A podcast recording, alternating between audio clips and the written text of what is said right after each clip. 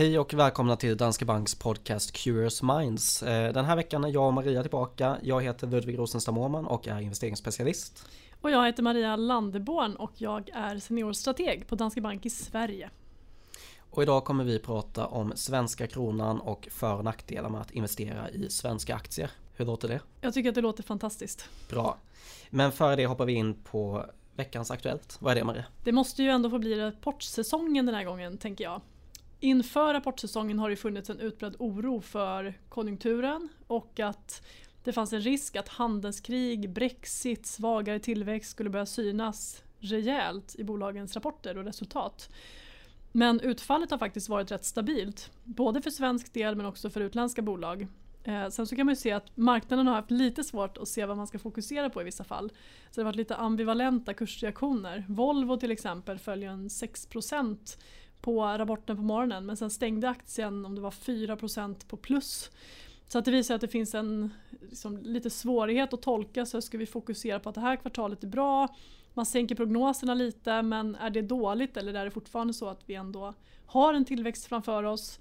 Och marknaden tycks ju främst tagit fasta på det positiva och att det ser ut som att världen fortsätter växa men inte med samma takt som förut. Så att eh, en följd av det här har varit att vi har haft ett rekord, eller i alla fall en tangering av ett rekord i oktober. 14 handelsdagar på rad med börsuppgång på Stockholmsbörsen. Vi hade två rekord på OMXSP också va? Två nya börsrekord. Precis, och precis, vi har printat nya all time highs. Så att eh, det ser ju starkt ut. Och man kan väl också konstatera att hade man bara läst tidningen och bara läst om lågkonjunktur, handelskrig, olika typer av kriser och inte kunnat läsa eller se någonting om hur börsen gått, då hade man nog eh, trott att den hade stått betydligt lägre. Men eh, vi är på rekordnivåer och det, det är starkt. Bra, då tycker jag att vi hoppar in på dagens ämne. Så vi börjar med svenska kronan. Vi fick ett riksbanksbesked här förra veckan. Har du någon kommentar på det? Man kan väl konstatera att Riksbanken eh, överraskade marknaden till viss del genom att fortsätta flagga för en höjning i december. Så att den känns som att den kommer bli av. Och det var ju på ett sätt en omsvängning av penningpolitiken. För att tidigare så har man pratat väldigt mycket om inflationssiffror och fokuserat på det. Nu verkar det istället som att man faktiskt ser ett självändamål i att komma bort från minusräntan. Därför att den upplevs som märklig och att den signalerar att någonting inte står rätt till. Så man vill bort från minusräntan, därför så kommer man höja räntan till noll i december. Men därefter är det sluthöjt. Så att tittar man på räntebanan så ligger nästa räntehöjning ungefär tre år fram i tiden, det vill säga hösten 2022. Så att eh, en räntehöjning till men sen är det slut. Ja det är lite intressant det där för eh, de har ju envisats med det där ett tag nu att de faktiskt ska höja räntan. Eh, men då, det blir ju verkligen då bara en höjning och sen så justerar man ner räntebanan väldigt mycket framöver också. Ja, och det där har ju fått viss effekt på kronan också. Ehm, men man kan väl konstatera om man tittar på kronans utveckling den senaste tiden att den har ju stärkts från de allra svagaste nivåerna. Men det skedde redan innan Riksbankens räntebesked så att efter det så har den ju faktiskt tappat igen. Och anledningen är ju precis det du pekar på. Att man tog bort de här pratet som har varit om från början att man skulle höja en gång per halvår, sen att det skulle bli något glesare. Till man i princip nu då strukit alla framtida höjningar utom den i december. Så det talar ju på gott och ont för att svenska kronan kommer förbli svag under lång tid framöver. Precis, och vi kommer gå in på det här lite mer nu då med hur, eller vad det får för effekt det här med den svaga svenska kronan. Det har ju gett väldigt bra avkastning på utländska investeringar i år. Väldigt fin avkastning har det gett. Speciellt på amerikanska fonder om man har haft en, en USA-fond noterad i dollar. Men bara för att ta ett exempel som är på lite längre tidsperspektiv så tittar man på ett globalt aktieindex de senaste fem åren så har det gett en avkastning på drygt 55% Men tittar man då på det där omräknat i SEK då har det gett en avkastning på nästan 120 procent, så att lite drygt dubbelt så mycket om man räknar i svenska kronor. Så att de senaste fem åren och även i år så har kronan varit en fantastisk medvind. Dels för svenska sparare med pengar placerade utomlands men faktiskt också för bolagen på Stockholmsbörsen. Mm, jag tänkte att vi kan gå in på det lite, vilka företag som gynnas av en svagare krona och vilka som missgynnas. Vi kan börja med de som gynnas då. Det är ju det roliga. Precis. Eh, och då handlar det ju främst om exportbolagen. Och vi har ju en stor exportsektor på Stockholmsbörsen. Så att industrin väger tungt, eh, materialbolag, skogsbolag. Och anledningen till det här är ju att de säljer ju merparten av det de producerar i andra valutor. Huvudsakligen euro och i dollar. Och när man sen plockar hem de där pengarna till Sverige och rapporterar i svenska kronor så gör det att marginalerna lyfter för hela exportsektorn. Så att den har ju också haft en väldig draghjälp när det gäller att eh, som det ser ut nu ha väldigt höga marginaler och har tjänat väldigt mycket pengar de senaste åren. Och det är ju inte bara, vi har också haft en stark konjunktur, men en hel del av det är ju svenska kronan som försvagats. Och det ser man också i rapporterna nu, att även om tillväxten ser OK ut på många håll så omräknat i svenska kronor så ser man att de positiva valutaeffekterna de är rätt stora. Och vilka är det då som missgynnas? Ja, ett typexempel är ju retailbolag om man till exempel tittar på klädbolag. Och då tänker jag inte främst på H&M. De har lite motvind för att de köper in i dollar men de säljer ju även i dollar och säljer i euro. Men tittar man på mindre klädbolag, ehm, man kan ta Kappahl och MQ som två exempel. Så det är så att man producerar normalt sett inte kläder i Sverige utan det producerar man till exempel i Asien. Det betyder att man köper in dem i dollar. Sen säljer man i svenska kronor. Och sen ska du använda det här kapitalet som du sålt för så ska du köpa in igen i dollar. Så att man köper in det mycket dyrare och man får så att säga dåligt betalt i svenska kronor. Så att det är ett, ett exempel på en sektor som har en, en väldig motvind från valutan. Och om vi pratar lite mer om eh, svenska ekonomin och Sveriges konkurrenskraft. Vad betyder en svag svensk krona på sikt?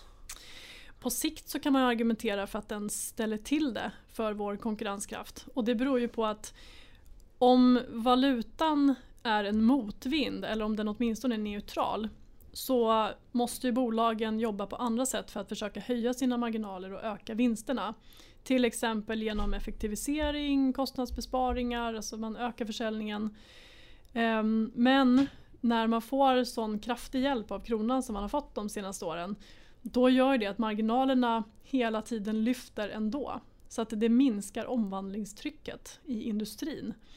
Och ju längre det där pågår desto, mer, eh, desto större blir den effekten. Och på sikt som sagt så kommer det vara negativt för Sveriges konkurrenskraft.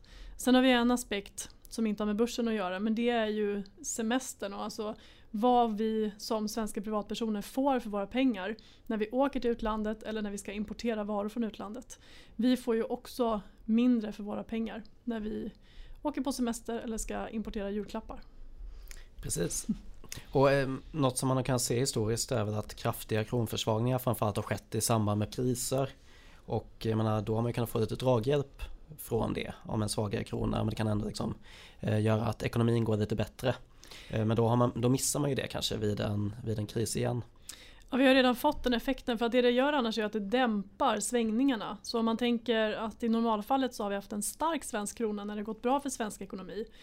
Och då har ju så att säga kronan varit en motvind för exportsektorn så att de har gynnats av stark tillväxt och så vidare så att det ändå gått bra. Men de har ändå fått jobba emot kroneffekterna. Men det som har hänt den här gången det är att vi har haft en, en lång period av tillväxt och eh, ett eller ett par år på slutet där det såg väldigt starkt ut på global front. Vi hade någon sån synkroniserat uppsving i världsekonomin. Och samtidigt så hade vi minusränta och svag krona. Så att de har ju fått världens skjuts när vi inte haft en lågkonjunktur. Och eh, även om kronan förblir svag nu så kommer de ju inte få samma stötdämpning, en kronförsvagning, som man normalt sett har fått under kriser. Och då kan man lägga till det här med att Ingves ändå försöker få upp räntan till noll men eh, det är ju inte jättemycket att spela med där heller sen då. Nej det är det ju inte. Eh, att höja räntan till noll hade kanske spelat roll om han dessutom fortsatte flagga för att han skulle höja den två gånger om året framöver så att vi skulle närma oss någon slags normal nivå. Men ingen kan ju argumentera för att nollränta är en hög ränta. Och en räntehöjning till, ja det betyder att vi har fått totalt två räntehöjningar sedan finanskrisen tog slut. Så det har inte direkt varit någon avveckling av de här enorma stimulanserna. Ja, precis. Bra, men då tänker jag att vi, eh, ja, vi kan väl prata lite om kronutvecklingen här framöver. Vad tror vi om svenska kronan? Ja, Det finns tyvärr inte så mycket hopp om att den ska stärkas men det kanske inte blir så där jättemycket svagare från nuvarande nivå heller. Så vår prognos på 12 månader mot dollarn är att den ligger oförändrad. Tittar man på euron så tror vi på ytterligare någon försvagning. Att en eh, euro kommer kosta drygt 11 kronor om ett halvår och även om ett år. Bra, då går vi vidare till det här med att äga svenska aktier när man bor i Sverige, något som också kallas home bias. Det handlar ju om att vi föredrar det lokala framför det globala. Och det är ju någonting som vi är världsmästare på i Sverige. Vi gillar verkligen vår egen aktiemarknad Exakt. mer än andra. Precis, ehm, och vi har ju kollat på det hur det ser ut om man kollar i alla fall på fondbolagens förening och eh, våra eh, fonder och hur stort det svenska ägandet är där. Tittar man på hela sparandet i fonder så kan man konstatera att drygt 20%, närmare 25% ligger placerat i rena Sverigefonder. Så att nästan var fjärde krona ligger i en ren Sverigefond. Men sen så måste man också räkna in att många sparar i Nordenfonder där en del är placerat i svenska aktier. Och sen så finns det, eh, om man tittar på globalfonder så finns det två kategorier. Den ena heter global och det speglar ett globalt aktieindex och sen så finns det Sverige och global. Och det är ju en globalfond med en Sverige-tilt, alltså en extra hög andel Sverige i. Så att totalt sett så hamnar man någonstans mellan 30 och 40 procent av fondkapitalet som faktiskt är placerat på den svenska marknaden. Och jämför man det med att Sverige utgör mindre än 1 procent av ett globalt index så är det en ganska rejäl övervikt åt svenska aktiemarknaden. Precis, och man brukar väl ändå ha, ha en tendens att säga att ja, men Sverige har varit en bra marknad historiskt eh, och det stämmer ju faktiskt. Eh, det finns även studier som visar på det att den riskjusterade avkastningen i Sverige har varit bra. Så man har fått betalt för att ta lite högre risk genom att investera i svenska aktier. Då. Ja. Sen är ju eh. det ingen garanti för att det alltid kommer se ut så men absolut under lång tid historiskt så har det varit bra att ha mycket svenska aktier. Precis. Eh, och, men, men det här beror ju såklart på vilka tidsperioder man kollar på. Men, eh, och sen generellt så kan man ju säga att ja, men, genom att investera globalt så kommer det alltid minska risken. Men det är alltså inte helt säkert att den där eh, riskjusterade avkastningen blir bättre. Mm. Men om vi kollar på ett globalt index, eh, hur ser det ut om man ska kolla på ett världsindex? Ja, USA utgör ju en väldigt stor del. Och tittar man då på ett globalt index som inte inkluderar tillväxtmarknader så utgör USA drygt 60 procent. Så att väldigt mycket amerikanska aktier. Eh, och näst största marknad då, det är faktiskt Japan som är drygt 8%. Följt av Storbritannien som är en 5% och sen går det neråt därifrån. Men USA är ju by far, ska man säga, den största marknaden i ett globalt index. Så att köper man till exempel en global fond så får man ju väldigt mycket amerikanska aktier. Och tillbaka till det här med just den riskjusterade avkastningen. Det har också visat sig att just om man är amerikansk investerare så har det faktiskt bidragit mer att man adderar utländska bolag än vad det gör i Sverige då. Mm. Om man ska titta på de största bolagen då, de tio största bolagen i ett globalt index, Ludvig, vet du vilka det är?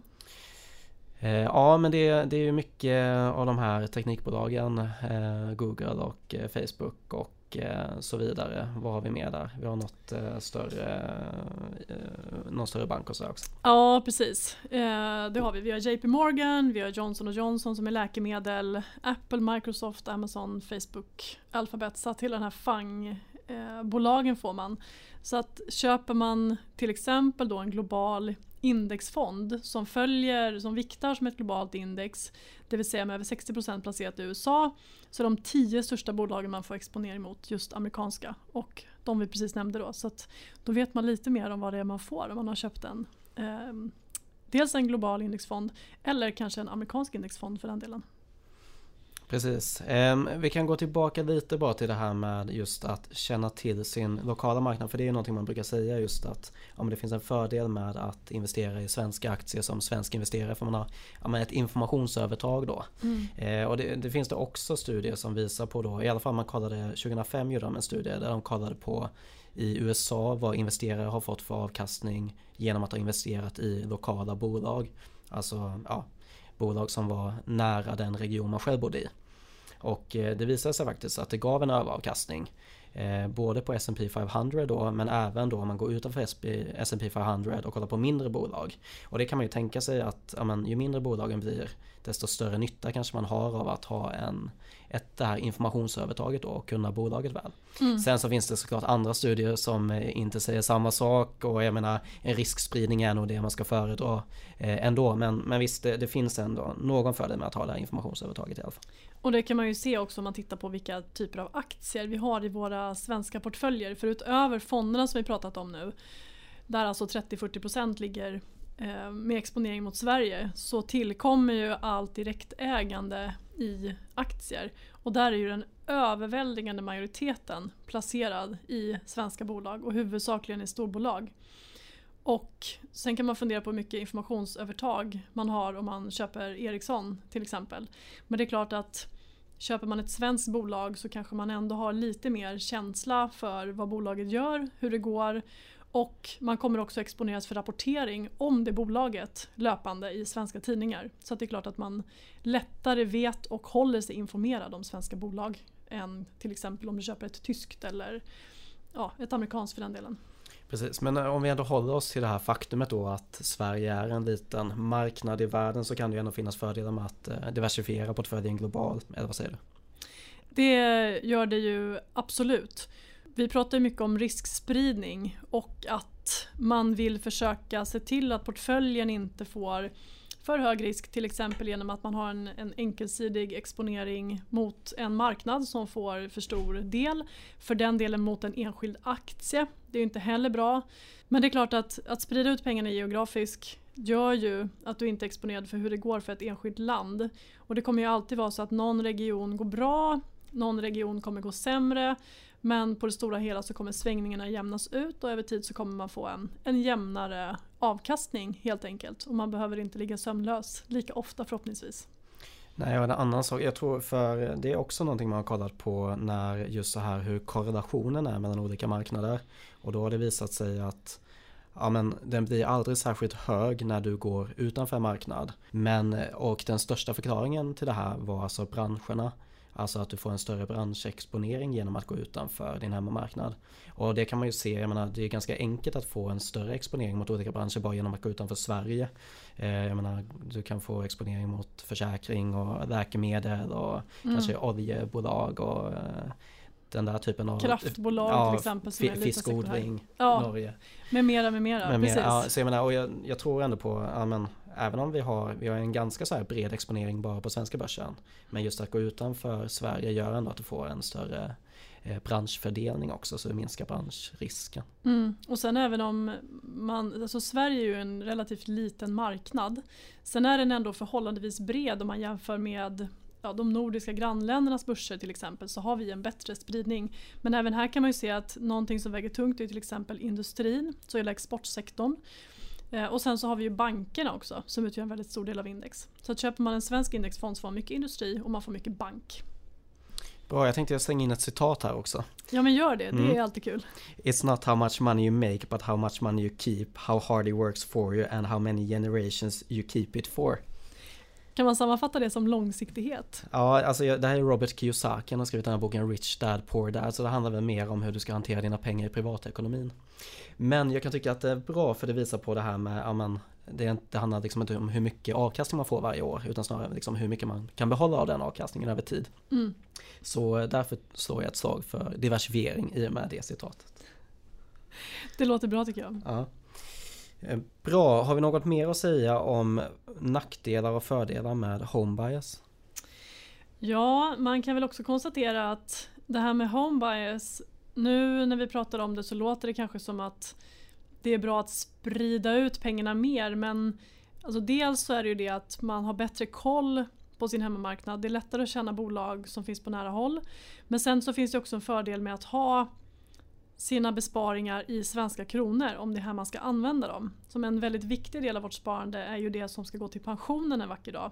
Och tittar man då på hur kronan har gynnat avkastningen på våra investeringar nu så måste vi också tänka på att den lika lätt kan slå undan en stor del av den avkastning som vi byggt upp om man har mycket placerat i utlandet. Så att det finns ju också en inbyggd valutarisk i att ha mycket pengar utomlands. Och har man dem i SEK, alltså i svenska kronor, så vet du vad du har. Du vet vad det kommer räcka till här hemma. Du kanske får mindre om du åker till Grekland men du vet, du vet vad du kommer kunna göra med dina pengar förutsatt att du stannar här. Så att man slipper den valutarisken.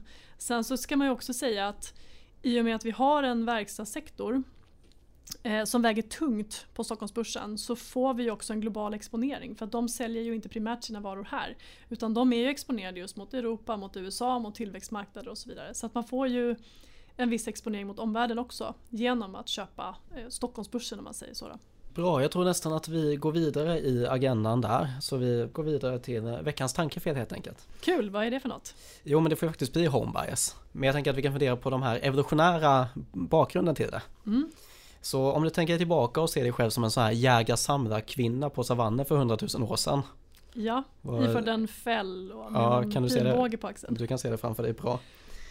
Ja, men grejen är den att eh, ditt största mål med dagen det var att överleva. Eh, så du, för att göra det så vill du inte gärna gå till ställen som kan eh, vara farliga. Alltså du vill inte gå till ställen som är okända. Mm. Om du håller dig till närområdet så kommer du känna till farorna, du vet vart du ska gå och sådär. Och det har ju liksom varit då en så här bra överlevnadsfaktor historiskt. Men i våra portföljer kan det ju få oss att hålla oss i hemmamarknaden då som ju då är home bias. Och det kan ju då få, göra att vi får en större risk i våra investeringar. Det visar sig även om man kollar på home bias i olika länder som i då ja, men i nordöstra USA så har man mycket financials, mycket banker och sådär. Och i västra USA är det mycket teknikaktier och i liksom Midwest så är det mycket energi. Eh, så här visar sig även inom marknader. Ehm, så det är, det är ju en tendens som vi har fortfarande idag då att vi, vi tror ändå att vi eh, tar mindre risk genom att fokusera på närområdet. Och där vill jag också, jag vill bara slänga in ett boktips där också. Och det är The Behavioral Investor av Daniel Crosby. Han eh, skriver väldigt bra om de här ämnena så ja. In och beställ den. Det tycker jag. Eller låna på biblioteket. Ja, det är och bättre. spara både miljö och pengar. Ja, precis. Eh, bra, då var det veckans tankefel. Så jag tänker att vi är eh, klara för idag. Då vill vi ju bara uppmana er alla att ställa frågor på Twitter. Att Rosenstam Eller att Maria Landeborn. Eller så kan ni även ställa frågor i ett frågeformulär som vi lägger in i avsnittsbeskrivningen också. Men med det så vill vi ju bara tacka för denna veckan. Ett nytt avsnitt kommer om två veckor. Så tack för att ni har lyssnat så hörs vi nästa gång. Tack och ha det så fint. Tack och hej.